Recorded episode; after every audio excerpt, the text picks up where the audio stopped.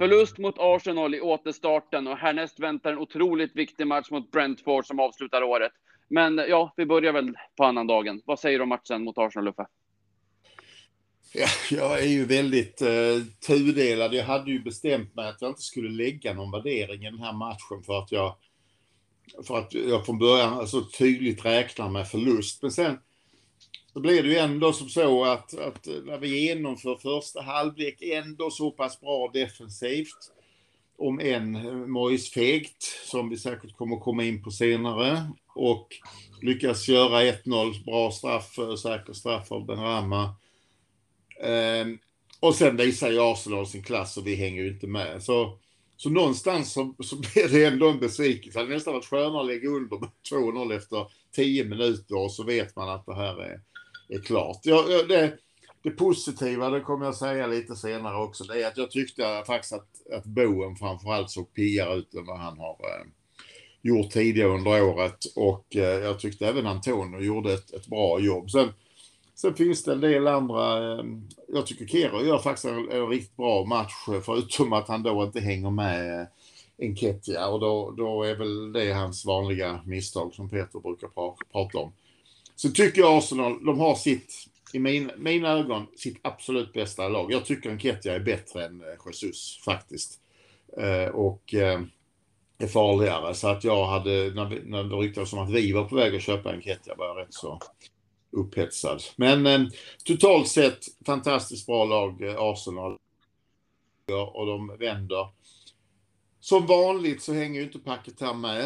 Eh, när Arsenal drar ner tempot efter de har 3-1 och ska spela av matchen, då gör packet här några bra grejer. Och för då, då är, är de inte på honom. Då får han lite mer tid och hinner han ta emot, titta upp, slå sin genomskärare eller sin passning.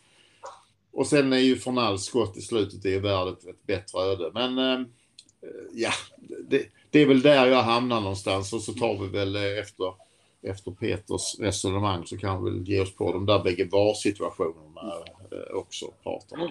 Ja. Absolut. Ja, tack Uffe, jag håller med mycket av det du säger. Det som stör mig mest är väl att jag tycker att vi är för passiva. Att jag tycker, önskar att vi kunde pressa dem lite högre upp i banan. Framförallt när de håller på att trilla runt i backlinjen. Men ah, så är det väl. Vad säger du Peter? På grund av det spel som vi väljer att spela och som, vi, som Mois alltid väljer att spela mot den här typen av lag eh, så är vi ju egentligen ärligt talat inte ens nära när vi leder.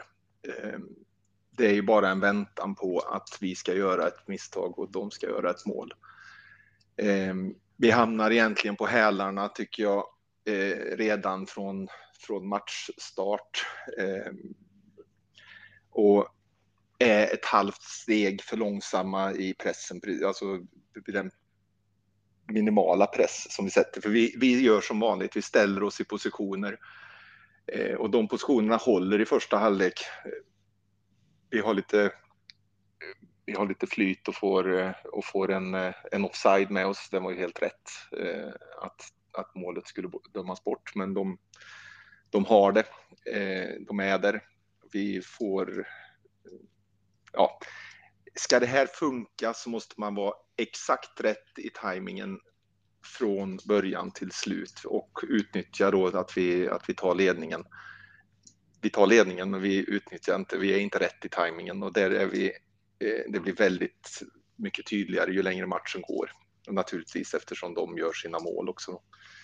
Eh, men det är som Uffe säger, det hade varit enklare att hantera om vi hade, om vi hade eh, legat under med 2-0 ifrån, ifrån början istället för att, för att ta ledningen. Här blir man, eh, jag, ska inte säga man, men jag oerhört besviken när det bara smäller eh, de här tre målen på, vad blir det, på en kvart eller?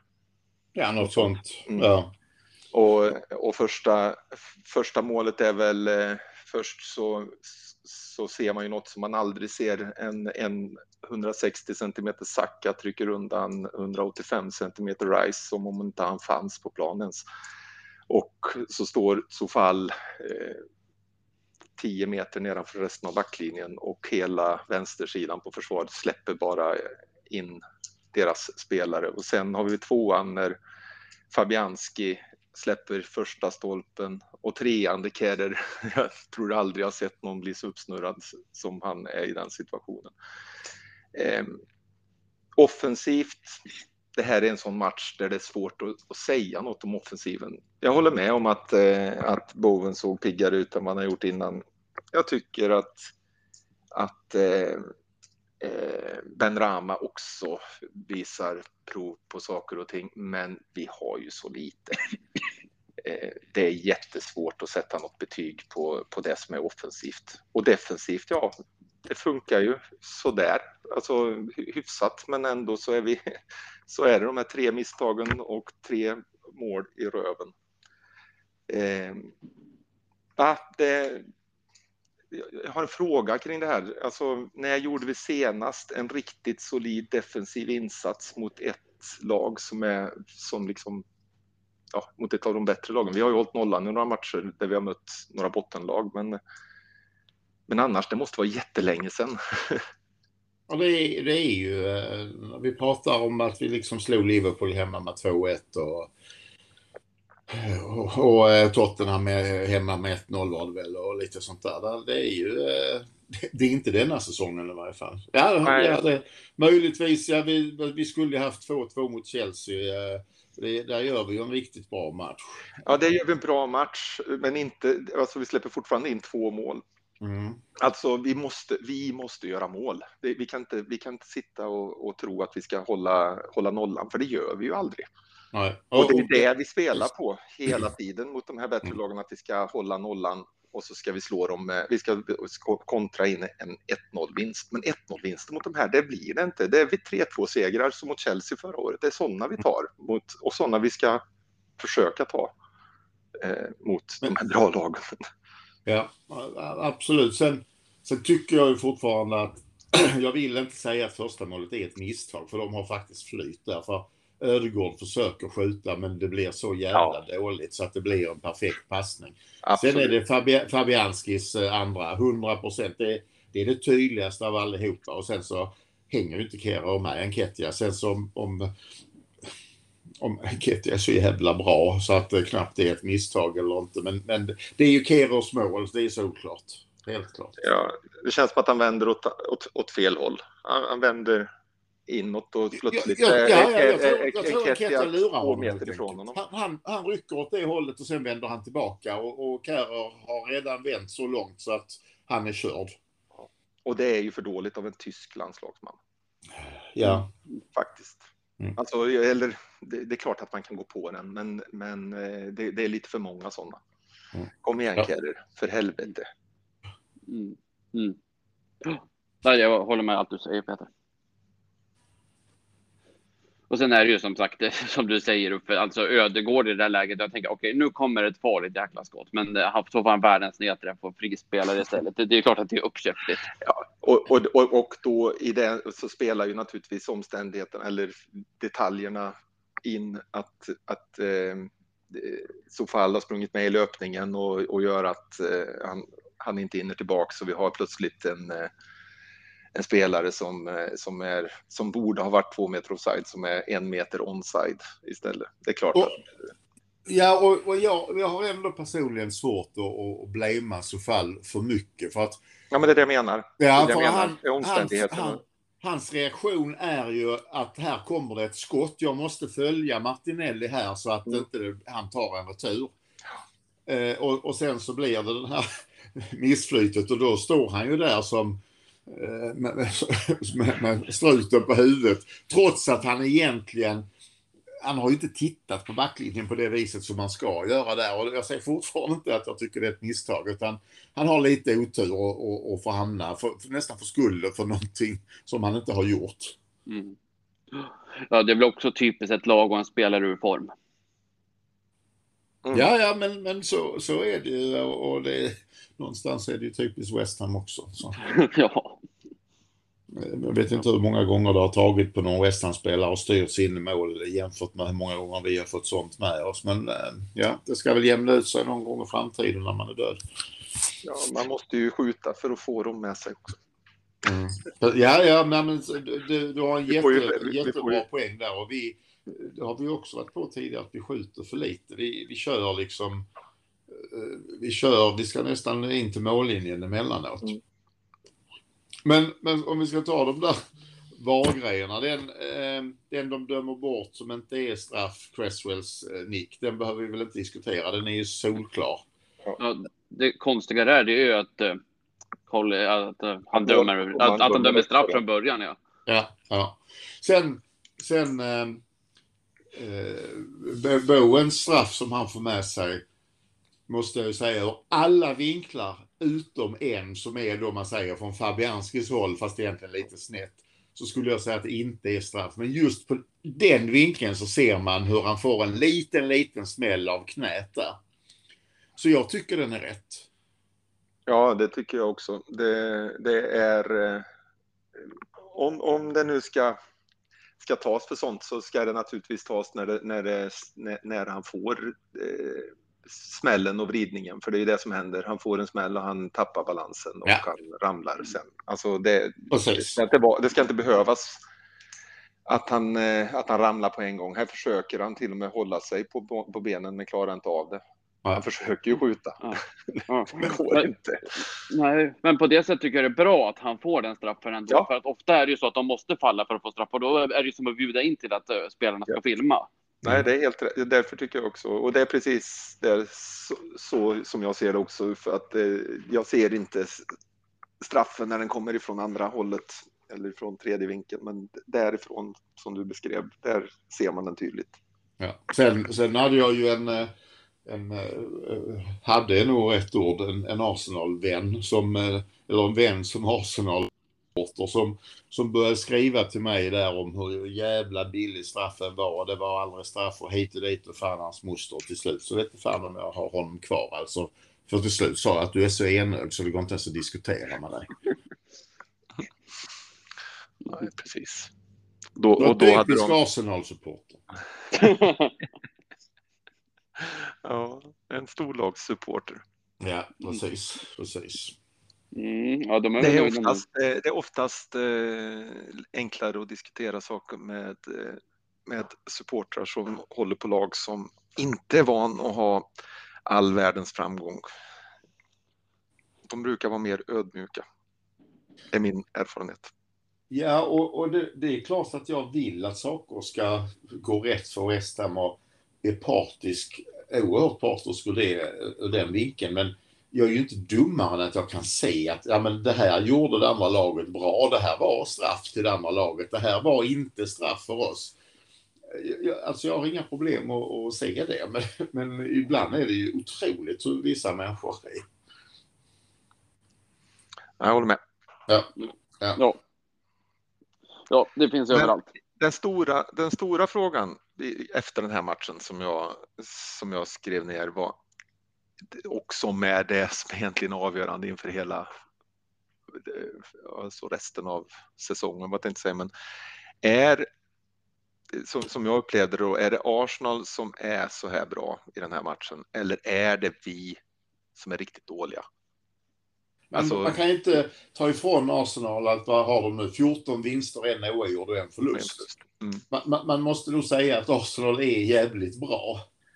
Och det är det som, eh, som kommer att, att vara det som avgör allting här nu de kommande veckorna. För de kommande veckorna avgörs vår säsong eh, ja, ja. här mm. fram till januaris månads slut. Det är då vi kommer att få se hur det, hur det här faktiskt kommer att, mm.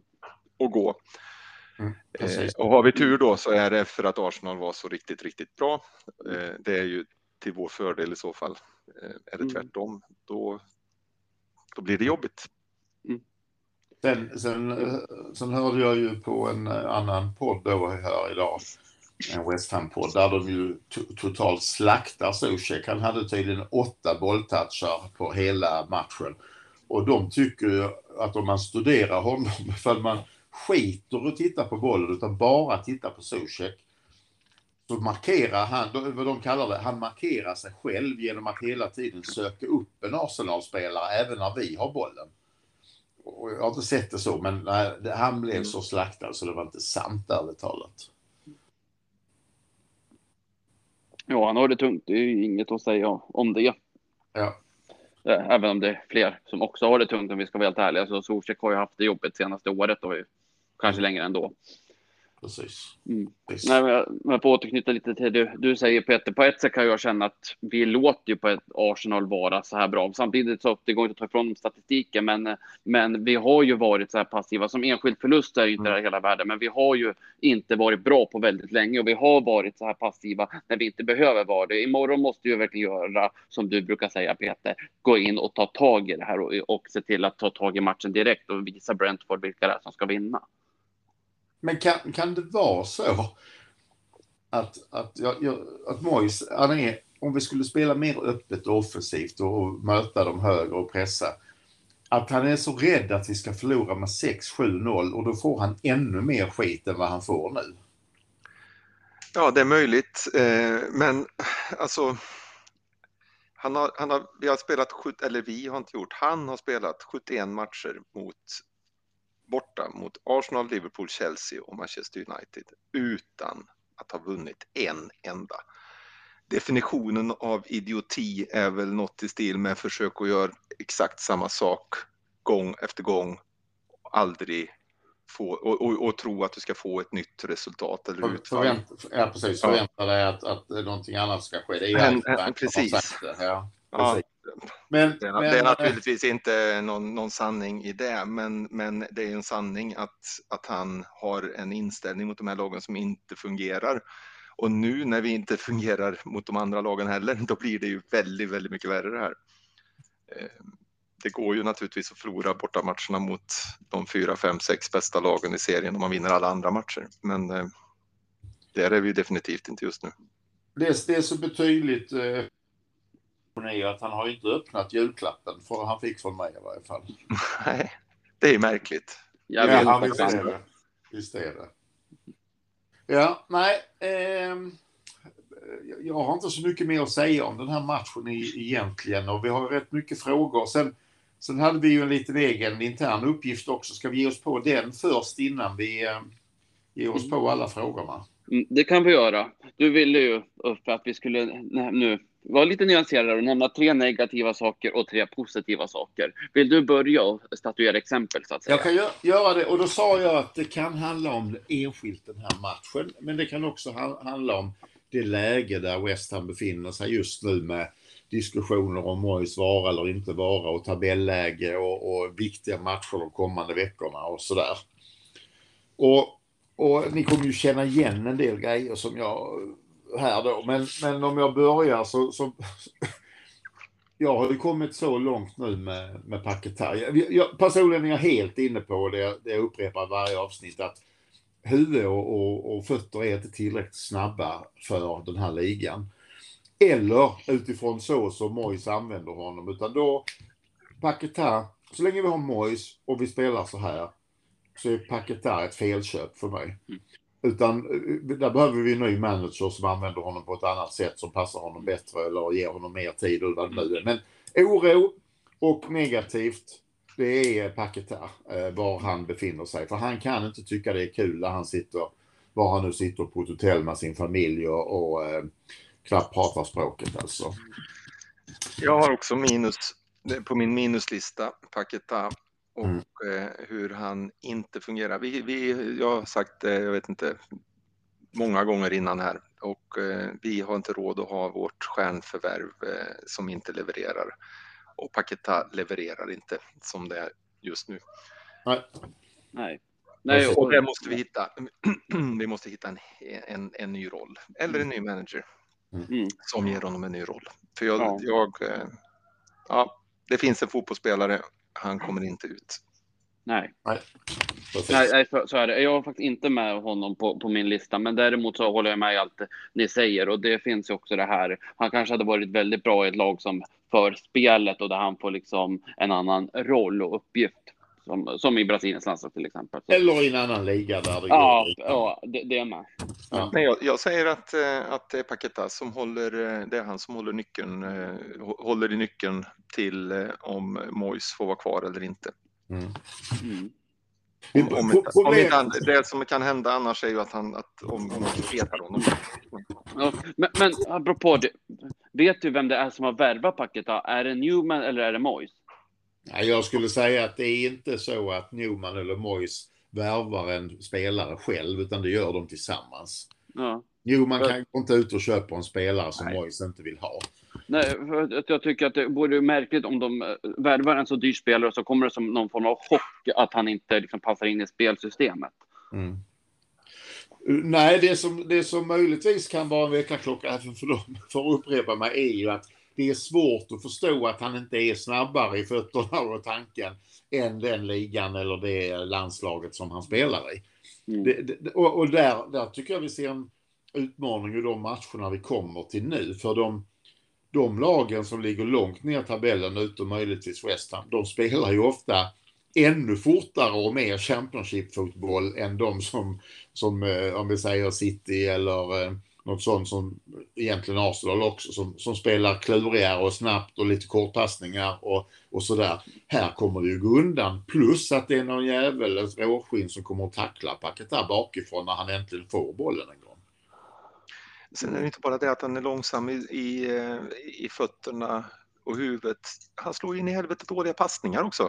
Han, han, eh, han har ingen fot för en fast situation och han har ingen, alltså det finns som sagt, som jag sagt innan, han, hans bästa insats var hans eh, inhopp i första, i första matchen. Då visade han vad, vad han hade eller vad han har som han skulle kunna komma med.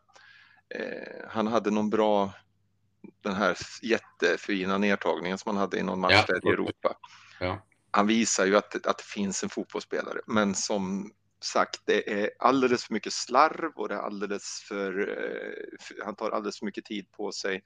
Och det här måste han hitta en lösning. En men, lösning. men jag, tror, jag tror så här Peter, de här slarvet och dåliga passningarna, det beror på samma sak för att då är han stressad och han vet att snart är det någon som tacklar mig eller som pressar mig eller, och därför så hastar han iväg eh, bollarna emellanåt utan att egentligen vara färdig i, om man säger, i, i sin kroppen och balansen och foten rätt och sånt. Jag, jag tror att det hänger samman. Men jag tycker att han, ja det, det är mycket möjligt att det är så, men jag tycker ju också att jag ser honom eh, även när han kommer på, mitt på planen och ingen går nära honom och han, och han slår en, en vanlig enkel Alltså säg att han ska slå en 20 meters passning snett fram mot vänster mot Ben Rama eller vem det nu är som är med där. Och, och han slår dem lika dåligt som Masuaku i sitt esse liksom. Världens sämsta fotbollsspelare. Ja, eh, ja. precis.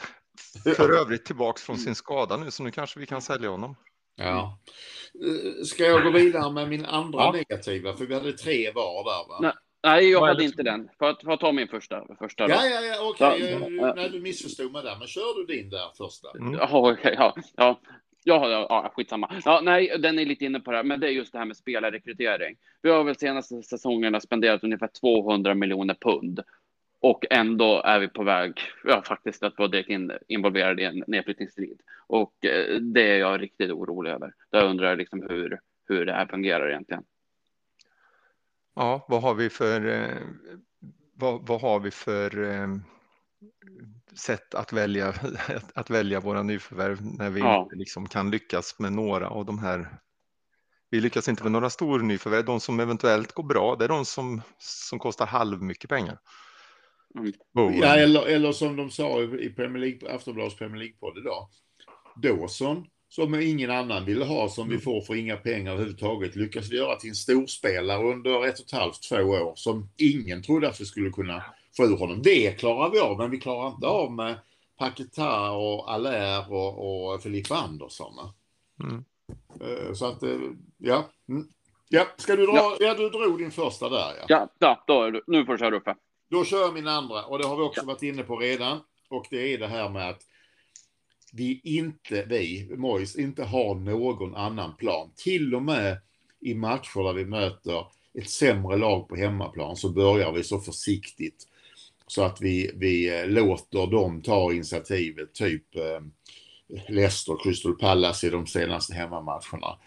Istället för att som eh, vi brukar säga från Peter framför allt att vi måste ut och ta tag i matchen och klämma till lite och öka tempot och se till att vi får igång publiken och allting sånt. Så att, och det var likadant när vi var där mot Fulham. Eh, så att taktiken, att det bara finns en spelplan. Och nu kan Pertti Viljanen säga att det här har jag ju sagt i ett år till er.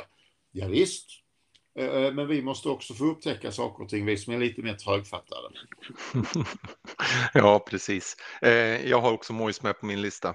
Ja. Eh, och då, då, det här som du säger är helt relevant. Jag undrar också, tar Mois den här situationen på allvar? Alltså inför den här matchen mot Arsenal så pratar han om att ja, vi, eh, vi ligger sämre till och man måste kunna ha en sämre, en sämre säsong. Men vårt mål är fortfarande att nå Europa genom ligaspelet. Mm. Ja, alltså jag vet inte om det är där man ska, man ska lägga sig för tillfället. Det hade väl varit fantastiskt om vi gjorde det genom att vi plötsligt börjar vinna en match och matcher här på under andra säsongen. Men jag tror att man måste ställa in sig på att eh, nu har vi hamnat i ett jävla, en jävla skitsituation. Här måste, ja. vi, här, här, här, måste vi börja om ifrån början och se vart det tar oss.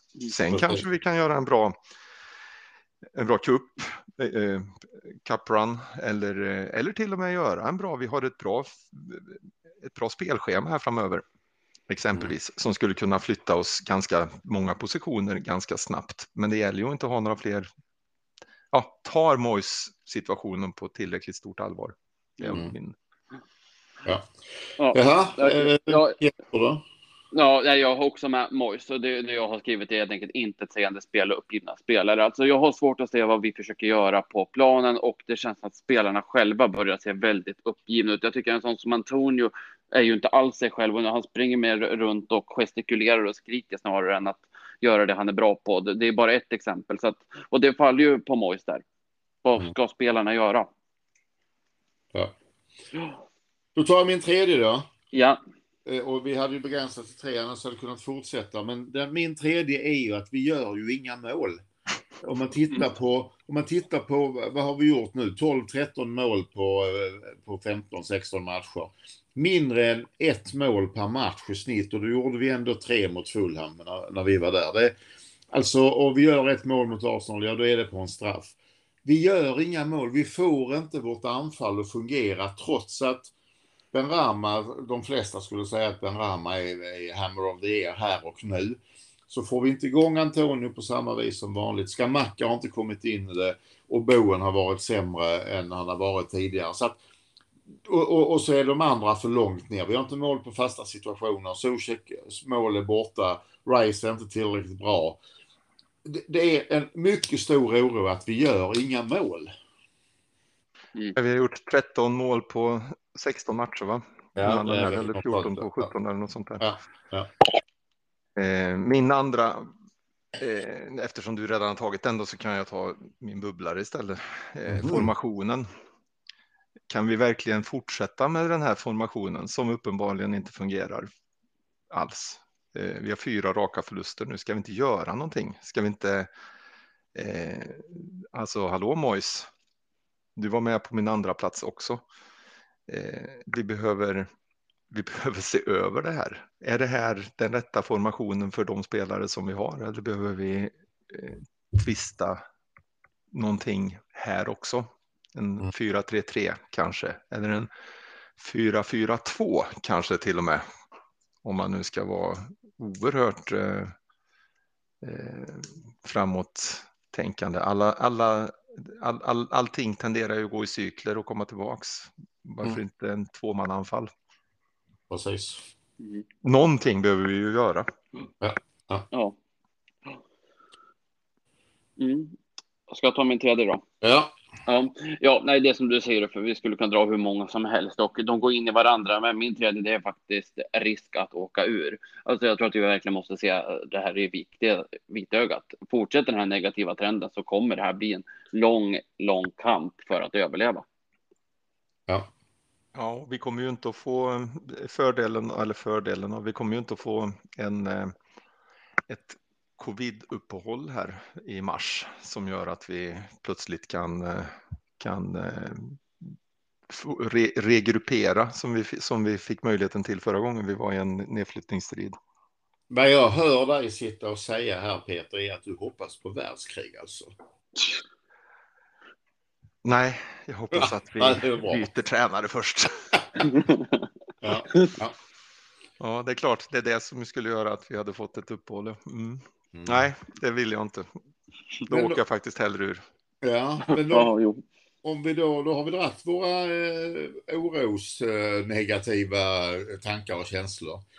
Och, och, även om vi säger att vi kunde hitta fler så det är ju inte så vi är som personer. Vi är ju positiva och, och, och framsynta och, och, och ser möjligheter alltid. Så att om vi ska dra de tre då så, så tar jag en jag redan sagt också. Det är att jag tyckte jag såg vissa förbättringar på Boen och jag tyckte Antonio kämpade lite mer och, och tog sig fram till några lägen som var bättre än vad han har gjort tidigare under säsongen. Så jag tyckte att jag kände igen dem bägge två lite mer än tidigare. Så det ser jag som positivt. Och då hamnade jag ju på senaste matchen där.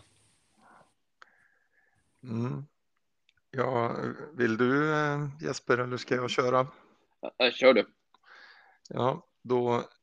Det, det, är ju, det blir ju lite mer sökta saker naturligtvis eftersom det går så dåligt som det gör. Men jag ser som positivt. Vi är kvar i Europa och vi har FA-cupen framför oss.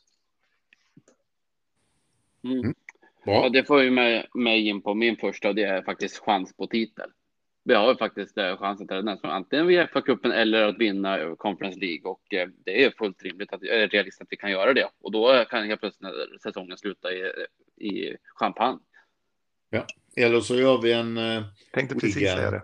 Wigan som ju vann eh, en av kupperna och, och åkte ur. Och åkte ur. Och sen spelar de i Europa som Championship-lag. Det ingick inte i det positiva. nej, nej, nej, vi är positiva nu ju. Ja. Har, har alla dragit vars en då? Ja. Mm. Då tar jag min andra och det är så här att det finns faktiskt tre lag i den här serien som är sämre än vad vi är. Och därför så ser jag det som positivt att vi kommer att inte ramla ut. Vi kommer att lösa just den delen av ekvationen framåt. Mm, jag hoppas. Jag hoppas. Mm. Eh, det positiva nummer två som, eh, som eh, egentligen väldigt snabbt skulle kunna ändras, men just nu i alla fall. Det är eh, spelschemat som vi har nu. Här eh, som avslutar året och som går in i januari när vi möter Brentford, Leeds, Brentford i kuppen, Wolves och Everton. Det är, eh, säger inte att det är lätta matcher, men det är i alla fall enklare motstånd än Mois hatmotståndare, Arsenal, Chelsea, Liverpool och man United eller något. Ehm, så här, här har vi verkligen chansen nu och ehm, ska vi göra allvar av det här Mois så är det nu du ska göra det. Mm. Ja. ja, absolut. Eh, min nästa är Mark Noble kommer in. Alltså jag är jätteglad att han kommer tillbaka i en ny, ny roll i klubben. Jag tror också att han har saknats eh, som en röst för spelarna, så jag tror, jag tror att det kan ge en positiv effekt. Eh, vad är det för liksom, vad, vad kommer han att ha för, eh, vad kommer han att ha för eh, mandat i det här? Kan han ta beslutet, nu får du gå Mojs, eller Nej, är han det, i en det, annan position? Det kommer han inte att kunna. Då, ja, synd. Mm. Ja, sen undrar jag om han är, om han är så pass långt att han är redo för att ha den rollen redan. Alltså det kanske behövs lite mer lärande innan han kommer så långt. Men just att jag mm. tror att det, jag tror att vi har saknat honom väldigt mycket den här säsongen. Att hans blotta närvaro i omklädningsrummet har saknats enormt mycket. Ja, ja. Det, det, det, är jag helt säker på att den, att den har gjort. Frågan är bara om han har något eh, som man kan komma med i, i den. Jag tror i så fall att han är mer eh, mer viktig för, för de, de yngre som vi har. Eh, de som kommer från U23 och U21 och, mm. och sådär. Mm, ja, så kan det vara. Men jag tror att det kommer bli positivt för klubben. hoppas. Mm. Sen tänkte jag be er att dra era tredje före jag drar min tredje och jag har ett skäl till det som ni kommer att förstå när eh, vi kommer dit. Jag tycker att vi har ändå en, en eh, väldigt mycket mer talangfull trupp än vad vi haft innan. Eh, jag tycker att de spelare som vi plockade in i somras, även om de inte har, eh, har eh, levererat kanske än, men att de är mycket, mycket vassare än de som, de som lämnade. Jag menar, vi tog in Ariola, Guerd, Downs, Skamaka, Corné, Kerrer Emerson Paketa. Vi ersatte eh, då Ma Martin, Fredericks, Nobel, Kral, Jarmolenko, Diop, Blasic och Masuaku. Eh, det är ju nästan ingen av dem som jag hade velat ha kvar. Jag är en Nobel som var två, tre år yngre hade jag ju gärna haft kvar naturligtvis, men inte en på 36. Nej. Annat än för som röst i, i omklädningsrummet då kanske. Men mm. som fotbollsspelare så ser jag ju egentligen ingen av de här som gick som bättre än de som har kommit. Ja. Mm. Jag kan ta eh, min sista och det, trots att eh, jag går från en kapten till en annan, trots att det inte har stämt riktigt den här säsongen för Declan Rice. Så det är ändå en njutning att ha en så duktig fotbollsspelare i West Ham. Så det är ändå någonting jag kan njuta av, veta att vi fortfarande har. Och jag inser att det är nog inte så länge till som han kommer vara en West Ham-spelare. Så jag tycker ändå att det är någonting att lyfta fram, att vi har haft otroligt eh, fina säsonger med honom som, som nu lagkapten och tidigare som spelare. Mm. Det var i alltså den här podden jag refererat till innan en jättediskussion idag på 20 minuter om det var rätt att Rice var kapten när det är så tydligt att han kommer att lämna i sommar. Eh, där för första gången eh, de bägge huvudaktörerna i podden hade olika åsikter ordentligt så att de, de nästan blev ovänner. Eh, och det var ju lite kul bara det. Men vi ska inte ha om att vi har, vi har en jättebra kapten som är en, en jättebra eh, fotbollsspelare som absolut borde kunna hjälpa oss att komma ur den här problematiken vi är i. Mm. Yes. Nu mm. är vi nyfikna. Ja, Bra. nej, men anledningen till att jag ville vara, vara, vara sist var att eh, min tredje punkt är att vi har skadade spelare som är på väg tillbaka och bara faktiskt ett par minuter innan eh, innan vi startade podden så fick jag den senaste rapporten om våra skador. Och om vi tar dem, om vi börjar med den som är mindre bra så är det Corné igen då som de inte får rätt på utan nu har han varit hos en ytterligare en specialist i, i Paris.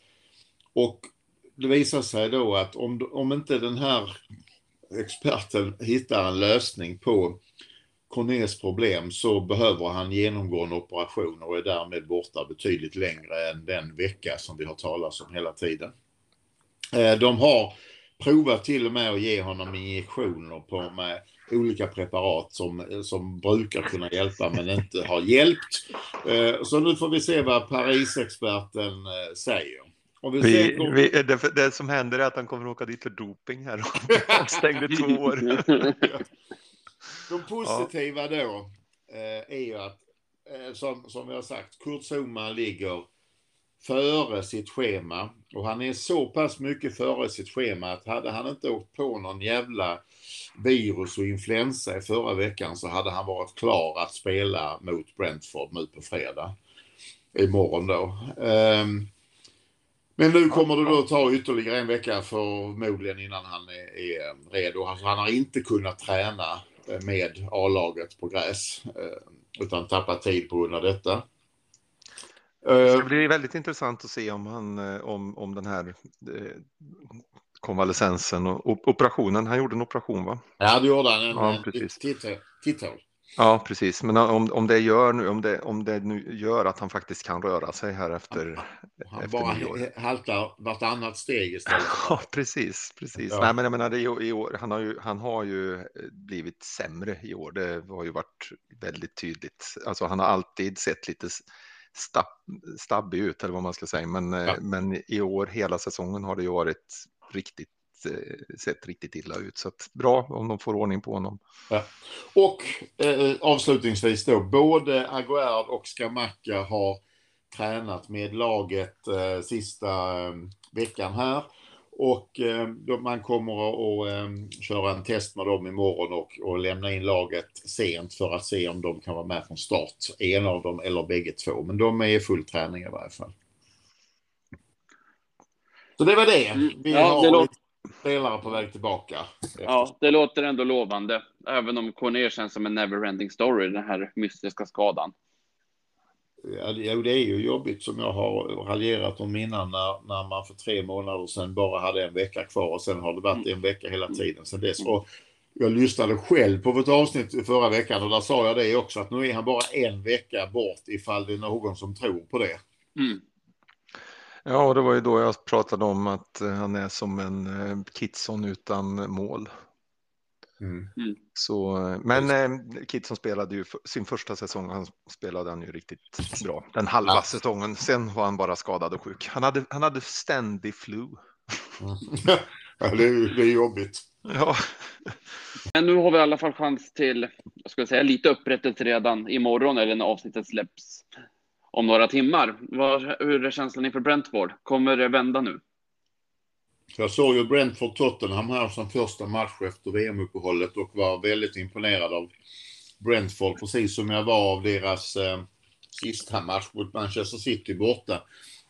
Och Ivan Toney är ju en otrolig målskytt så att jag, eh, jag ser inte att, eh, att det här ska bli någon walk in the park. Vi förlorade mot dem hemma förra säsongen. Jag är jättenervös inför denna men eh, ifall vi inte står upp och, och tar tag i det återigen för tredje gången då, då, alltså då undrar man ju vad fan, vad, vad står till egentligen med det här, med det här laget. ja det, det, det, det är väl en match som egentligen definierar det här med måste-matcher. Mm. Eh, Det, vi, det, vi kan inte vi kan inte, det får inte bli en förlust och det måste nästan bli en vinst. Ja, precis. Mm. Ja. Och det får inte se så förjordat passivt ut igen. Nej, för Nej. de här matcherna som kommer sen med Leeds borta och Wolves borta, det där är ju matcher som vi förlorar i vanliga fall. Mm. att, Ja, alltså- alltså vi måste vinna den här matchen känner jag. Brentford hemma, ja, det är inget, eh, det kan inte finnas något annat. Mm. Nej, precis. Nej, Och, men och det blir jättesvårt. Alltså, Ja. det, Precis. ja, och, de, och, och, och tar vi inte den så har vi fem raka förluster i ligan. Mm. Ja, Mm. precis. Precis. ja, och, ja, och det snackar man inte bort. Det, det kan vi inte få bort utan vidare, utan det är riktigt jävla illa. Ja, nej, det, det, den här och nästa match, eh, fem, blir det en sjätte, alltså skulle det bli en femte förlust och en sjätte förlust, sex förluster i rad. Det är ju frågan om ens Mois eh, kapital eh, från tidigare säsonger överlever oavsett eh, vad som sägs ifrån de som har bättre känningar än jag. Ja, Mm. och vi kommer ju till det i bland frågorna. Absolut, men den där, jag måste bara säga, den där Ivan Tone känns ju otäckt läskig. Och han är inte avstängd än. Nu har han ju spelat också på den här matchen så att eh, det vet vi ju hur det går. Ja, Ja. spela på att han själv ska göra mål. Då kan vi alltid hoppas att han, då kan vi alltid hoppas att han skjuter själv istället för att passa. Högmod går, över fa- äh, går före fall och sånt där. Ja. Ja, hoppas på någonting där i alla fall. Ja, har ni något mer att tillägga om morgondagens match eller ska vi ta den som det kommer och så kan vi gå in och ta lite frågor? Ja, vi är för, vi, vi är för eh, oroliga inför den för att våga säga något. Ja, Precis. ja men det är helt riktigt. Ja, samtidigt så vi vet ju för, förutsättningarna är ju ganska klara. Det måste att det- egentligen bli vinst. Det, det är en Mm. hemmamatch och det är mot ett eh, mittenlag. Eh, de matcherna måste vi vinna. Mm. Ja, absolut. Ja, jag tänkte vi kan börja med de frågor som berör som berör eh, senaste matchen. Eh, vi har Andreas Nunez Carro som skriver Sofal fick otroligt mycket kritik, framförallt på Twitter för Sakas 1-1 mål då han spelade Saka offside. Tycker ni det är rimligt? Personligen säger jag att han faktiskt följer med löpningen och inte hinner upp igen. Däremot har vi Cress som inte följer Saka alls. Känns alltid som Sofal ska få ta på sig allt. Sen är ju målet ganska tur med tanke på att Ödegård skulle skjuta och inte passa fram till Saka. Det är egentligen bara en sak jag vill kommentera där och det är att jag eh, för, för jag håller ju med brevskrivaren här, det pratade vi om innan, men jag, jag har eh, svårt att ge Cresswell så mycket kritik. Jag tycker att han har varit en otrolig eh, servant för West Ham och fortfarande håller trots sin ålder. Så att, nej, men han har rätt i allt det andra han skriver. Alltså, jag tycker nog att eh, alltså, eh, han kan nog få kritik för det också, eh, även om han har varit bra i övrigt och en fin servant-tjänst gjort bra ifrån sig i West Ham. Han följer inte med Saka och han överlämnar inte honom så att Kerer vet att han kommer. Eller så är det Kerer som inte tar emot trots att han får en överlämning. Men det är ingen som, för, som, som, som plockar honom. Han, blir, han får stå eh, ren mellan, mitt emellan dem. Sen har vi ju Sofal som är för långt ner. Vi pratade om det förut, vad det nu beror på. För, förmodligen att han, han tar ett par steg bakåt för att, för att följa med löparen där. Eh, och så har vi den missade, det missade skottet. Det, det, är så många saker som konspirerar tillsammans för att skapa det där så att jag, jag tycker nog att eh, som vi var inne på förut och som Uffe sa, det, det, det är väl det målet som är minst eh, beroende, beroende, på vårt misstag. Ja. ja. Även, om, även om det är tydligt att se och det är väldigt tydligt att se att Sofal står tre meter nedanför de andra. Det blir otroligt catchy för ögat liksom. Mm. Ja.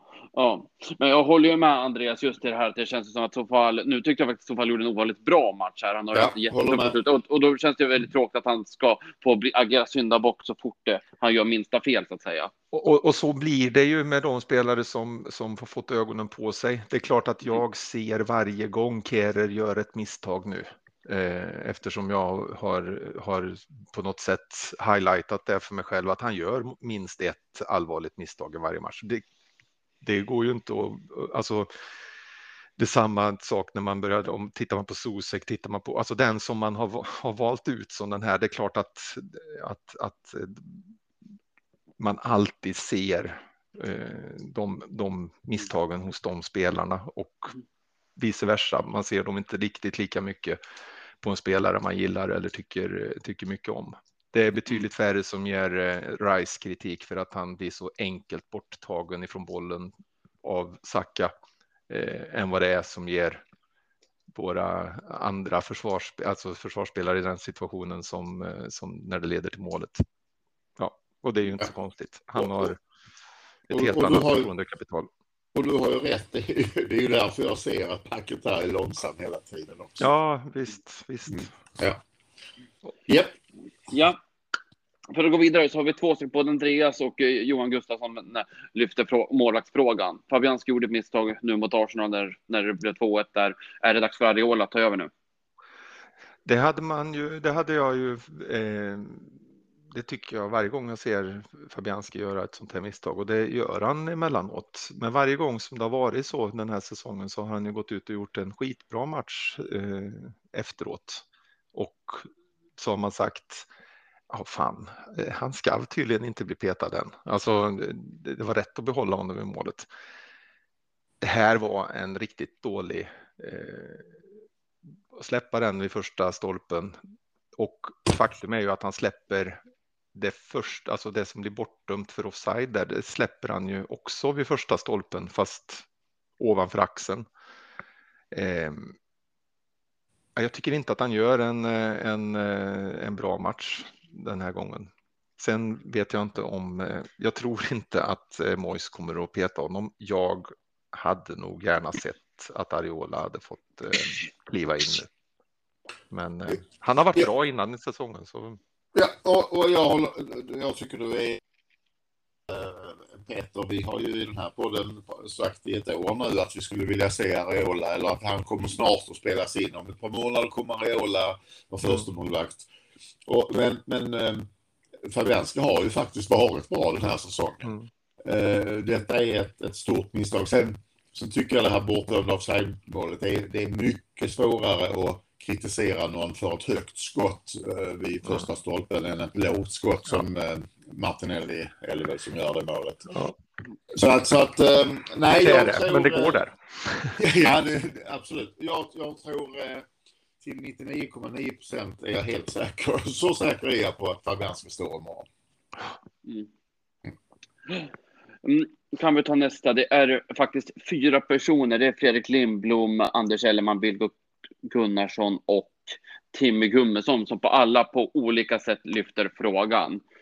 Ja, hur är synpunkten på Mois? Ska han lämna? Ska han gå? Hur lång tid har han på sig? Och ja, vad tror ni? Och vem ska ersätta? Vi har fyra förluster i rad nu i ligan. Hur många till tål han? Det är ju den stora frågan. Jag säger två. Så du menar, du tror att, att om, om han... Eh, om vi förlorar mot Brentford nu och så har vi Leeds eh, nästa, eh, onsdag nästa vecka tror jag, så, så är det kört. Ja. Ja, ja, Jag tror jag, att han får vara kvar lite till, men eh, en Ja. match till. Sjunde matchen, skulle han, det är där han, som det avgörs. det, det, som, det som är, och jag tror att du är nära sanningen, det som är problematiken är ju att om man inte förlorar de här sju rad utan, utan vinner en eller vinner en och Mm. spelar en oavgjord, eh, vad händer sen om vi förlorar två i rad efter det? Eh, Och, och, och eh, som jag informerade er om i, igår var det väl så så hade ju X ställt frågan till sina kontakter. Har han fortfarande förtroende till att leda laget januari ut? Och det enda svar han fick var yes. Ehm, så att jag, jag tror att han har de här matcherna vi pratar om. Sen om gränsen går eh, vid eh, Wolves eller vid Everton hemma. Jag tror den går vid Everton hemma. Har vi inte, har vi inte skapat oss två vinster på de här fyra matcherna? Jag skiter i FA-cupen, jag tror vi åker ur den eh, mot Brentford. Men lyckas vi inte fixa till två vinster på de kommande fyra matcherna, då blir det två oavgjorda och två förluster. Då, då ryker han. Så, så är det för mig. Men jag tror han har, Ja, januari har han helt enkelt. Mm. han har fyra matcher på sig. Och vad Det sa är du? januari. Det är januari ut. Alltså det är, det är de matcherna som är i januari menar jag. Ja, ja, jag tror det. Mm. Mm. Det, tänker- negativ... Mm. Det negativa med det, förlåt Peter, du får, du får fortsätta sen. Men det negativa om man får januari ut, det är att då har vi en ny tränare som inte får någon minsta möjlighet att värva in nya spelare. Det kanske vi inte skulle göra ändå, men... Ja, men vi har inga, nej, vi har inga pengar ändå. nej, nej. Det, det vi pratar om egentligen är ju att få in en, spe, en manager med i så fall en annan taktik som kan sätta spelarna med en annan arbetsbeskrivning som passar dem bättre och därmed vända på det. Jag tror inte problematiken är att vi har för dålig trupp. Jag tror att det är andra bitar, exakt som Peter var inne på tidigare avsnitt. Jo, ja, absolut. Absolut. Uh, personligen så handlar det för mig, alltså det får inte se ut som det har gjort på slutet. Alltså vi måste, det får inte se så initiativlöst ut, det får inte se så håglöst ut. I så fall kan jag acceptera en förlust både nu och en nästa vecka och ändå liksom ha kvar förtroendekapital för Mois. Men, men alltså nu pratar jag ur vad, min personliga bägare så att säga. Men, men ser det ut som det har gjort, då, då, då, då går det inte, menar jag. Men det, det är vad jag tror. För jag tror att ni har rätt. Han kommer säkert få januari ut eller så, men, men jag är inte säker på att det är rätt. Nej, det, det, det tycker jag. Alltså ska han få sparken så, så tycker jag personligen att, att han ska ha det tidigare. Precis. Och eh, så, så att eh, oavsett om vi säger att vi har pengar, det brukar alltid finnas något för att göra något. Eh, det kan vara lån eller det kan vara att man säljer någon som sen ersätts med något annat eller så, men att man, att man gör någonting och ger den här personen som då ska in en möjlighet att få, ja men det kan vara som att han, att, att, att han plockar in en gammal favoritspelare eller en, ja du vet. Mm. Eh, Ja, Men, ja, jag, jag tror ju att kommer det in någon nu så får han ju uppdraget egentligen att rädda oss kvar. Du, du kanske får ett lån eller två nu, men rädda oss kvar och sen så till sommaren så kommer vi att kunna en översyn av både vad som går att sälja och, och vad vi kan eh, plocka in. Ja. Nej, men för mig personligen, jag kan säga, jag är mer upprörd och arg på Mois och, och laget när vi förlorar hemma mot Leicester med vad det nu blev, 0-2. och, och, och, och är, tycker jag, totalt impotenta hela matchen än att vi förlorar mot Arsenal på bortaplan med 3-1. 100 procent. 100 procent. Men just att alltså, jag har alltid lätt att, om jag känner att vi har gjort vårt bästa, vi har gjort precis allt som står i vår makt, då är det alltid lätt att han, då, då, då kan man förlora mot ett bättre lag. Men just nu tycker jag inte att vi gör det. Nej, Nej precis. Eh, och, och känslan av att inte riktigt försöka, inte riktigt ge det chansen. Ehm, och där, där, har vi varit många gånger i den känslan mot Arsenal borta. Exempelvis. Sen, sen är jag personligen färgad av eh, att vara en, en fotbollsromantiker och en West Ham-romantiker som, som har vuxit upp med det här laget som ända fram till 1989 har enbart haft fem managers. Jag hatar det här att sparka till höger och vänster och plocka in och ha tre managers på lönelistan och, och allt det här. När man, när man kunde stå upp och, acceptera att, att John Lyell eh, ramlade ur och sen fortfarande lät honom vara kvar och vi går in i, i det som är de bästa 6-7 åren i vår historia. Jag tror ju mer på sånt men, men till och med jag börjar bli trött nu. Ja, men det har jag sagt också att jag be, bekänner mig till, eh, till, den, mm. till den skaran som, mm. som gillar det och en sucker för det. Eh, mm. Men som sagt, bägaren rinner ju till slut över. Ja. Det måste se bättre ut här mm. kommande matcher. Mm.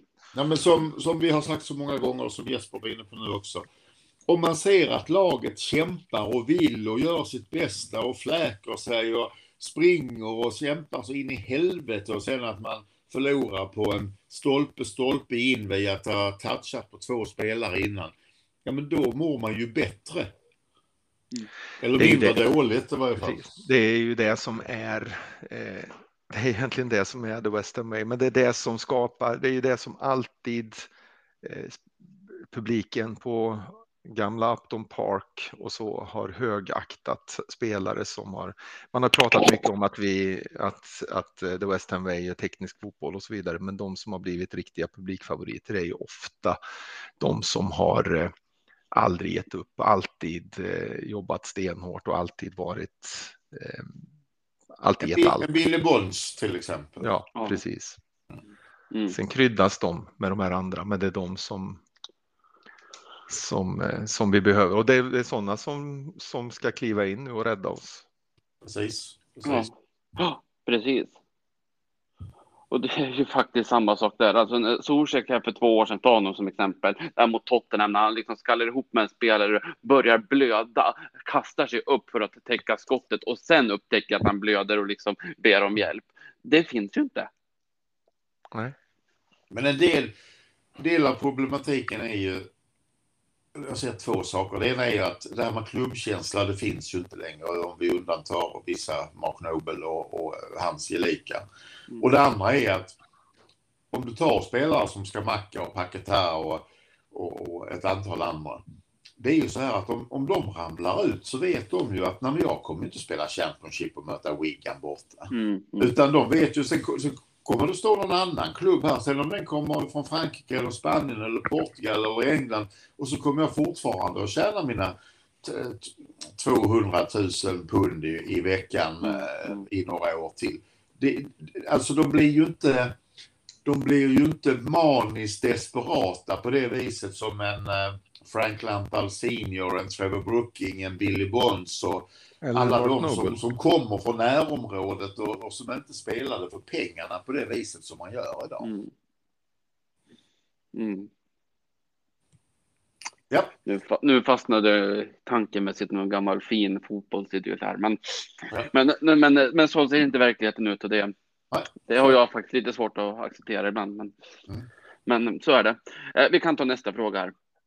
Ja. Fredrik Lindblom skriver, eh, tror ni Declan Rice lämnar oss samt är det bra eller dåligt för oss? Jag, är, eh, jag tänker massor av pengar på kontot, vilket borde ge utrymme för att köpa minst två spelare. I så fall vilka? Jag tänker kanske Calvin Phillips och någon mer mittfältare. Rice kommer att lämna oss i sommar. Och sen så kommer Peter att säga att vi klarar inte av att köpa in två bra spelare för 100 miljoner pund. Eh, och, och, och så att jag vet inte. Nej, det är jävligt dåligt om Rice lämnar oss, men han kommer att lämna oss. Så enkelt är det. alltså det här med pengar på banken, ja det kan ju, kan ju vara, vara lockande, men eh, det kommer säkert att gå åt en del till att, till att eh, balance the books efter förra årets eh, spending spree. Eh, och 100 miljoner, ärligt talat, hur många spelare räcker det till? Eh, och då ska man också, om det nu räcker till tre, så är det tre stycken skamacka. Eller så är det två paketa. Som Uffe säger, eh, vi klarar ju inte av att köpa en ja, sån spelare. Ja, men du sa att jag skulle säga det. ja, eh, vi klarar inte av att köpa en sån spelare. Var, varför skulle vi klara av att köpa två? Eh, jag är inte speciellt eh, eh, säker på att det skulle lyckas på något bra sätt. De flesta som när, det, när man säljer en sån en sån guldklimp spenderar alla pengarna och hur många är det som gör bra ifrån sig? Jag vet inte riktigt. Hette han Rio Ferdinand eller? Mm, precis, precis. Och köpte vi in Rangvald Soma, Rigobert Song, eh, han Titti Kamarava. Ja, precis. Eh, och så, ja, det var, någon, eh, någon lång någon lång ytterback från eh, något baltland med, eller nej inte balt. Ja, det var ju, det var skitspelare i alla fall allihop. Ja, ja, Christian Daly. Och vi har Tottenham som när de sålde Bale, vad köpte de in? Fem spelare för 20 miljoner köpte de in va? Ja, typ. så. Ja, och eh, en som lyckades. Ja, Han spelar i Manchester United nu. Mm. Så, vi, ja. så vi kan slå fast att eh, nej, det är jävligt dåligt eh, när, om när Rice lämnar oss. Ja, det blir inte, det är inte enkelt i alla fall. Nej, nej, nej, nej. Nej, för det är samma sak som Aston Villa, alltså som tog värvade för att ersätta Jack Grealish. Så mm. ja, den, den, listan kan göras lång så att säga. Men, ja, men, men jag förstår ju också Fredriks input där att, att rent tekniskt skulle det kunna gå. Men sen så, alltså om vi jämför med till exempel att ha en sån stjärnspelare som exempelvis Zlatan var i landslaget så, så gäller ju inte det i det här fallet, för Rice är ju inte en sån som måste stå själv i står strålkastarljuset hela tiden, utan han är ju en sån som verkligen leder laget och som kommer saknas både som spelare och som ledare. Så att, eh, mm. det kommer bli ett tomrum som blir väldigt svårt att fylla, för sådana där spelare är svåra att köpa för pengar. Ja. Ja, och, och grejen är, jag tror att det man måste satsa på är att köpa någon som är riktigt bra. Eh, inte och som, och som levererar och så måste man ju vara säker på att den här personen levererar. Vi skulle ju då när Rio Ferdinand gick ha köpt Gareth Southgate. Mm. Vi skulle inte hålla på och drilla runt med Daily och Song och Soma och allt vad de nu hette, utan vi skulle ha, vi skulle ha gått all in på honom mm. för halva priset ungefär. Även om Daily blev bra. Jag, jag, tycker det är lite orättvist att nämna honom med de andra pajasarna. Ja, ah, han var ju den som, men det, men det blev ju ingen, det, det tog många år innan vi hade spelat ihop, innan han hade spelat upp sig. Han var inte så bra han heller, men han var ju mycket, mycket bättre än de andra jag nämner. Mm. Ja. ja, ska vi gå vidare? Mm. Ja, då har vi Bengt Olsson, han skriver, jag hade egentligen två frågor, så vi tar dem i var för sig så att säga.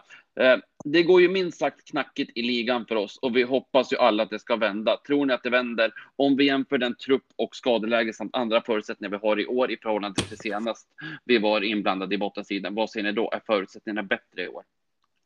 Vi har bättre spelare i år än vad vi hade då. Eh, det som vi kanske saknar nu då, det är väl kanske spelare som eh, kavlar upp armarna och bara kör. Vi har, vi har ju Dawson och vi har eh, Rice. I viss mån Antonio kanske en sån spelare som skulle kunna göra det. Men annars har vi väldigt mycket, väldigt många som, som kanske är bättre än kämpa, alltså tekniskt, te tekniskt kvalitativt bättre men, men eh, sämre på att eh, på det här med att kavla upp armarna och, eh, och, och jobba för det. Eh, kanske att eh, Fornals kan vara en sån spelare också. Ja. Hans, hans första fråga som, som eh, kom där är, tror, tror vi att eh, vi vänder på det? Eh, jag tror ju då som jag sa tidigare att det finns tre lag som är sämre än vad vi är totalt sett. jag tror att vi har bra chanser att slå Brentford imorgon och Everton hemma. Men, men Leeds borta och Wolves borta, det är exakt sådana matcher vi förlorar med 1-0 eller 2-1 för att de kämpar med oss. Så att eh, eh jag, jag eh, sätter inte ut min röst än utan vill avvakta januari ut. Mm. Ja, jag, jag vill ändå vara positiv och säga att jo, men jag tror att det kommer vända. Jag tror att det vänder. Kanske inte, kanske inte redan imorgon, men, men det kommer vända. Jag, jag vill ändå tro det och jag tror ändå någonstans. Jag är lite orolig för det som du är inne på Peter, att de här spelarna kanske inte kommer kavla upp ärmarna, men jag hoppas någonstans att de har så pass mycket, vad ska vi säga, självinsikt eller så själv. Alltså att de någonstans känner att de har lite jävla ansvar själva i det här. Att inte bara gå till en klubb, spela, spela ur den och sen så sticka utan att de faktiskt har lite självrespekt eller ansvar eller vad man nu ska uttrycka det. Det som jag tänker är vår, det, det som, som, ska, som ska rädda oss kvar är att vi, att vi har bättre spelare än, än en, en, en lagen som är precis. Att, eh, att, vi tar lite vinster här och där, men, men jag tror inte på att vi ska tro att vi tar dem med 1-0. Vi måste börja göra mål. Eh, och, eh, och sen så måste vi vinna de här matcherna med, med 2-1 och 3-2, inte med, med 1-0. Mm. Ja. Mm. ja, det är riktigt. Ja, ska vi gå vidare? Ja. Bengt fortsätter. Är vissa spelare tyngda av sin prislapp och att den känslan kan vända om, eh, kan vända om laget får ett par vinster kommande matcher? Nej, jag tror inte de är tyngda av sin prislapp. De, de, eh, en Paketa och en Skamacka känner inte att de har kostat en massa pengar för det, pengarna trillar in på deras bankkonto. De, men däremot vänder det så de får lite självförtroende och tycker att det här är kul så kan det gå betydligt mycket bättre än vad det gör just nu. Ja, det är ju så jag tänker att eh, det, det är nu det avgörs, januari. Mm. Ja. Ehm, mm. Och ehm, ett, ett, par, tre vinster där så, så kan, vi, kan vi ha lagt lite luft emellan oss mot, eh, mot nedflyttningen och spela med en helt annan swagger framöver. Det är vad jag hoppas i alla fall. Eh, men det, då gäller det, tror jag, att Mois vågar släppa loss det lite. Ja. Och, det, och det är väl där som vi som det brister just nu att ju sämre det går desto försiktigare blir han och ju försiktigare han blir desto sämre kommer det att gå. Vi är inne i en, en negativ spiral där. Ja, och det är som vanligt efter Arsenal så på presskonferensen så är det ju Ben Rama han plockar ut för han hade något läge att passa Rice och Rice skulle blivit fri och göra 2-0. Istället för att se var det fallerar någonstans i övrigt. Mm. Mm. Ja, och det tyckte jag var väldigt eh, onödigt faktiskt. Alltså Ben Rama var ju en av de mer positiva, i alla fall offensivt. Så att, och han har ju varit en av alltså, våra bästa offensiva spelare hela säsongen. Så att, han, ja. han är Hammer of the Year om vi röstar här och nu. Det tror jag vi alla är överens om. Ja. Ja, oerhört onödigt och, ja. och hänga ut någon och framförallt eh, i en sån här match där, där det är eh, där det liksom är det, gemens, det gemensamma som fallerar. Vi, ja. vi, är inte tillräckligt bra helt enkelt. Nej, precis. Nej, för, för mig vittnar det faktiskt om eh, desperation från Moise också. Alltså att han känner att han är väldigt pressad. Ja, det måste han göra, även om han försöker spela ner det. Mm. Yes. Ja, då har vi kommit fram till sista frågan, fast det är tre stycken kommentarer egentligen, så vi tar en, en i taget. Det är Henrik Hultman som skriver. För någon månad sedan hade jag följande fundering i en annan grupp. Ut med potatissalladen, brassen och rice bakom kanske Ben Rama och så Corné, Bowen Antonio på kanterna. Pastan på topp. Vad tror ni om detta? Det har vi väl varit inne på flera gånger så att eh, för att vara konkret då så menar han vi petar Zuzek och så ja. flyttar vi ner flyttar ner Paketa bredvid Rice. Mm. Eh, och sen så kör vi Antonio på ena kanten och vem kör vi på andra kanten? Ben Ramma va? Och sen så ska Macka där framme och då blir jag orolig för då undrar jag var, var Boen Men han skulle ha Boen i mitten va? Var det inte så? Boen i, i, i ska, i, uh, ja, är det inte han skrev, eller?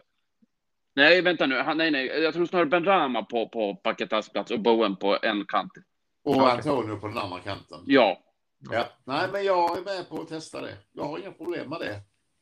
Nej, någonting måste vi göra och vi jag har ju tror... varit inne på den här innan. Eh, det är ju jag ja. som har som, som eh, i början på säsongen var, var tveksam till att vi skulle kunna ha att rättare sagt tveksam till att Antoni skulle hålla ihop eh, om han får spela för mycket matcher som ytter. Men eh, jag menar när man har när man är eh, när man är ja, men när man inte har några utvägar, när ingenting fungerar, då måste man ju våga testa saker och det hade jag definitivt testat. Jag tror att Flynn Down startar imorgon. Den hade jag också testat. Mm. Mm. Ja, det vore intressant. Ja. Ja, Hultman jag hade gärna tagit ett tremanna mittfält också. Ja, ja vad, vad som helst, bara det är något mm. nytt. Mm. Ja. Ja, uh, Hultman går vidare. Uh, visst går det att spela attraktivt med det spelarmaterial vi förfogar över. Det är ju liksom inget uh, vi är ens är nära att göra nu. Spela attraktivt alltså. Mm. Ja, det går helt klart. Sätter ja. bara mot damlaget ifrån Skövde så löser de det. Ja, en annan, en annan inställning till matchen så blir det betydligt mer attraktivt direkt.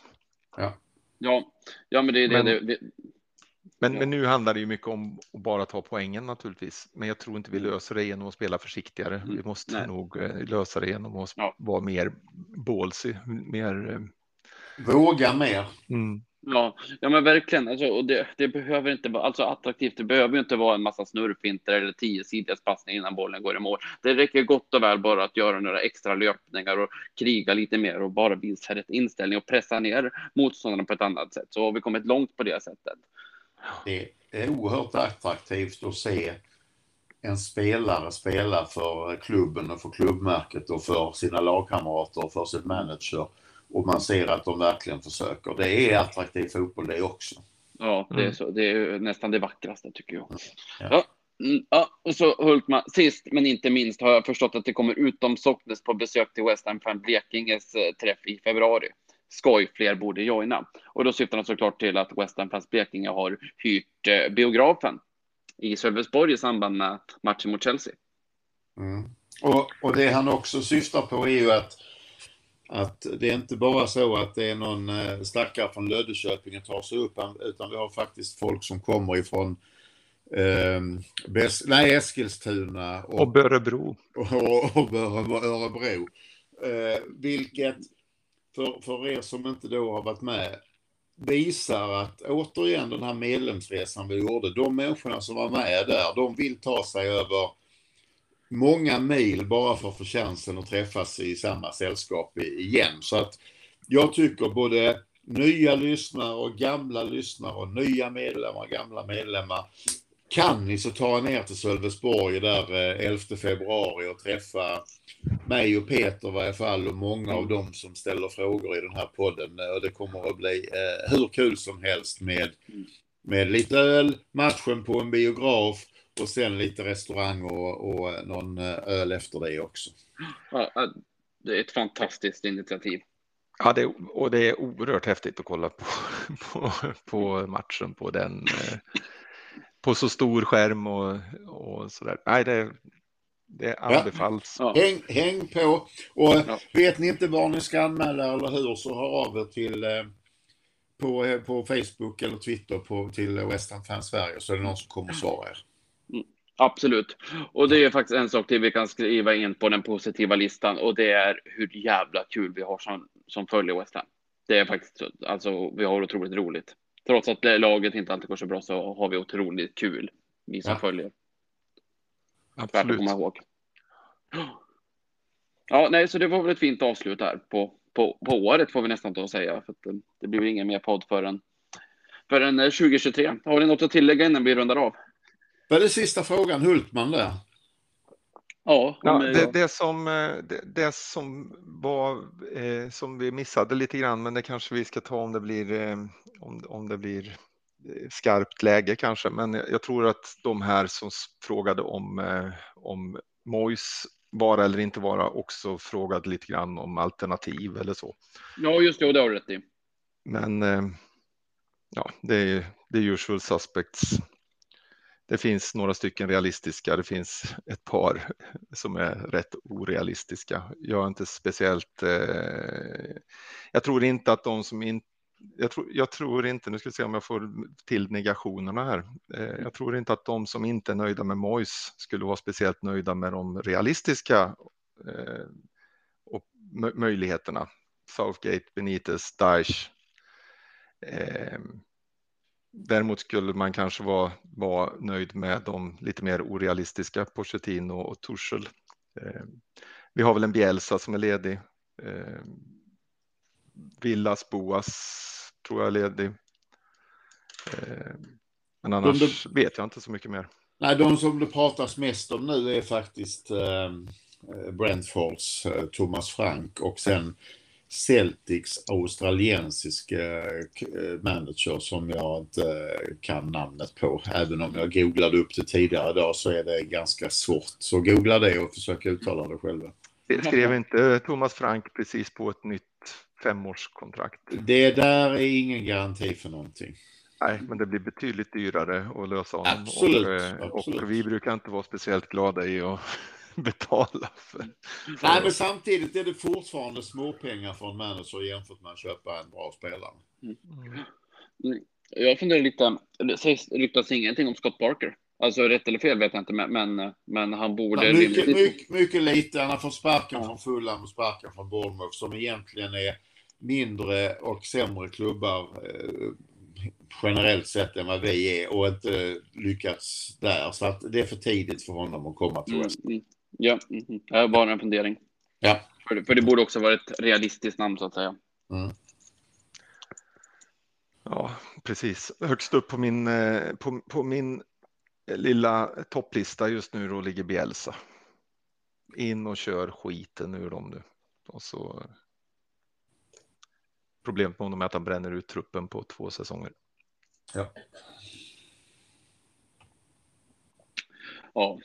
Ja, Pochettino hade ja, inte varit vilka, fel. Oavsett vilket, viktiga är att det finns en plan när och om eh, Mois ryker så måste det finnas en plan. Finns det ingen plan, då kan vi lika gärna vara kvar. Mm, ja, abs absolut. Men, men, en sån plan måste ju egentligen utformats för länge sedan. Alltså man måste ju ändå kunna någonstans, även när det går bra, liksom ha en plan för vad som händer när det vänder. Jag menar, ingenting mm, varar ju för alltid. Nej, det tror jag inte, men det nej, borde nej, jag tänkte väl det. Ja. nej, jag tror du har, du har helt rätt, men det, så, så funkar inte livet i, i West Ham. Där är det ur hand i mun som gäller. ja. Jag har två grejer Jesper. Ja, varsågod.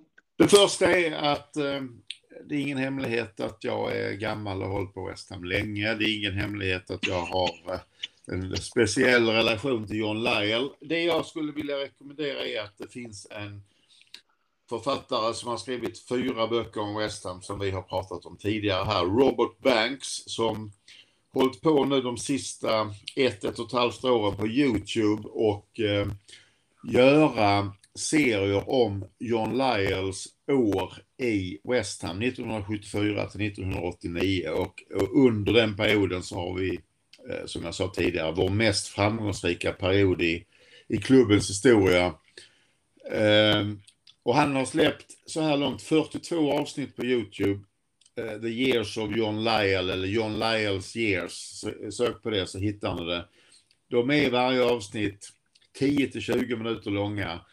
Och gillar ni West Ham, gillar ni lite historik, vill ni se hur bra Trevor Brooking och alla Devonshire verkligen var, så titta på det. Man kan titta på två, tre avsnitt och sen så kollar man på eh, två avsnitt nästa dag. Jag har tittat igenom alltihopa nu under julen och, och han har fortfarande ett antal avsnitt kvar att släppa. Eh, det är sanslösa historier och bilder och spelare och, och ni lär er massor om West Hams historia. Det, det, är nummer ett. Jag håller helt med. Den är fantastisk. Ja. Jättebra tips. Jättebra ja. tips. Nummer två är faktiskt en icke-Western-relaterad sak som jag hörde i en, i en annan podd som handlar om engelsk fotboll. Där det är en spelare i Newcastle där Ossi Ardiles var manager som berättade att på fredagen innan match så spelade de ofta vad Ossi Ardiles kallades för shadow football. Det vill säga de spelade de elva spelarna som skulle spela matchen mötte ingen annan. Eh, och sen så fick de då spela så som man spelade och så skulle man spela ut på kanten och så spelade han in och sen fick forwarden göra mål. Och på, då, på det viset så tränade man då taktiken och man skapade även självförtroende för att man gjorde rätt mycket mål. Och det som hände vid det här tillfället då det är att han berättar att vi började då shadow-fotboll och gjorde avspark och så spelade vi bak till en mittfältare och så spelade han bak till en mittback och så spelade mittbacken till en, en uh, ytterback och ytterbacken skulle spela tillbaka till målvakten och han stod och tog på sig handskarna så att bollen gick in i mål. Så efter 45 sekunder så låg de under med 0-1 i shadow football. och Ciardiles var fullständigt vansinnig. Och eh, de kände att det här var inte bra för självförtroendet. ja, det finns ju fler, fler eh, som har testat liknande saker, inte med, utan motståndare eller så, men Everton hade, hade oerhört svårt att göra mål någonstans slutet på 80-talet, början på 90-talet. Eh, och det var, var det Joe Royal som var, som var manager där då på den tiden. Det var säkert. Mm. Något sånt. Eh, han, eh, han spelade då, eh, delade upp så att de spelade i två, två, två lags fotboll då, men eh, man hade två mål på varje sida. Det innebar ju att det blev eh, lite svårare för målvakten och blev mer mål. Mm. Mm. Precis. Ja. Mm. ja, den var rolig. Ja, och då finns det ju fler. Vi har ju Sheffield på 80 och 90-tal som alltid spelade så otroligt dåligt på hösten och bra efter, efter jul så att de började säsongen med att fira jul i augusti så att de skulle känna att skulle de kunna spela bra eller vilket lag det var, jag kommer inte ihåg, som spelade väldigt bra på bortaplan men väldigt dåligt hemma. Så de gav sig ut och började åka buss i tre timmar innan de skulle spela match på hemmaplan. HV71 gjorde båda de sakerna i, i hockeyn för 25 år sedan. Ja, ja okej, okay, okej. Okay, ja. Också säkert inspirerad av den engelska förlagen. Ja, ja. Ja, det är kanske är något vi, sånt vi skulle pröva nu då. Mm. För att vända trenden. ja, fast vi kan Precis. inte åka buss för vi blir inte speciellt mycket bättre på bortaplan. Problemet med West Ham är att de var ju snarare kända för att ligga bra till till jul och sen go down with the decorations. Så då, mm. då ligger vi riktigt risigt på det. Ja, hej då. Mm. Ja, så ska vi inte vara nu. Nej. Ja, ja men det, det var bra. Bra inputs där uppe. Mm. Eh, ja, innan vi rundar av så jag känner att man måste nämna det och det är att vi ikväll nåddes av nyheten att Pelé har gått bort och det, det, är ju en, det var ju en otroligt stor fotbollsspelare. Det finns en, eh, West Ham la ut en fantastisk bild på sina sociala medier där han och, och Bobby Moore klappar om varandra. Jag har för Pelé sa någonting i stil med att eh, Bobby Moore var den bästa försvarare som han spelade mot. och det, det var verkligen så här, två, två legendarer som inte längre finns med oss på en och samma bild. Ja, och det är väl från eh, VM i 70 den bilden är tagen. Mm. Ja, säkert. Ja, och det är precis, precis som du säger, exakt så sa, eh, sa Pelé om Bobby Moore och, och eh, Frans Beckenbauer. Han sa att glömde han bort mig eller? och Pelé svarade nej, det gjorde han. ja, precis. Exakt. exakt. Mm. Ja. Jaha, ska vi låta det bli slutordet då? Det gör vi. Ja, då säger vi så. Då återstår det bara att önska lyssnarna ett gott nytt år och sen naturligtvis ska vi avsluta 2022 med en seger mot Brentford. Så säger vi come on Jonas, vi får även bli blå en babbel. Ta med ute, vi hörs igen. Hej då! Hej då, tack för idag! Hej då! Hej då!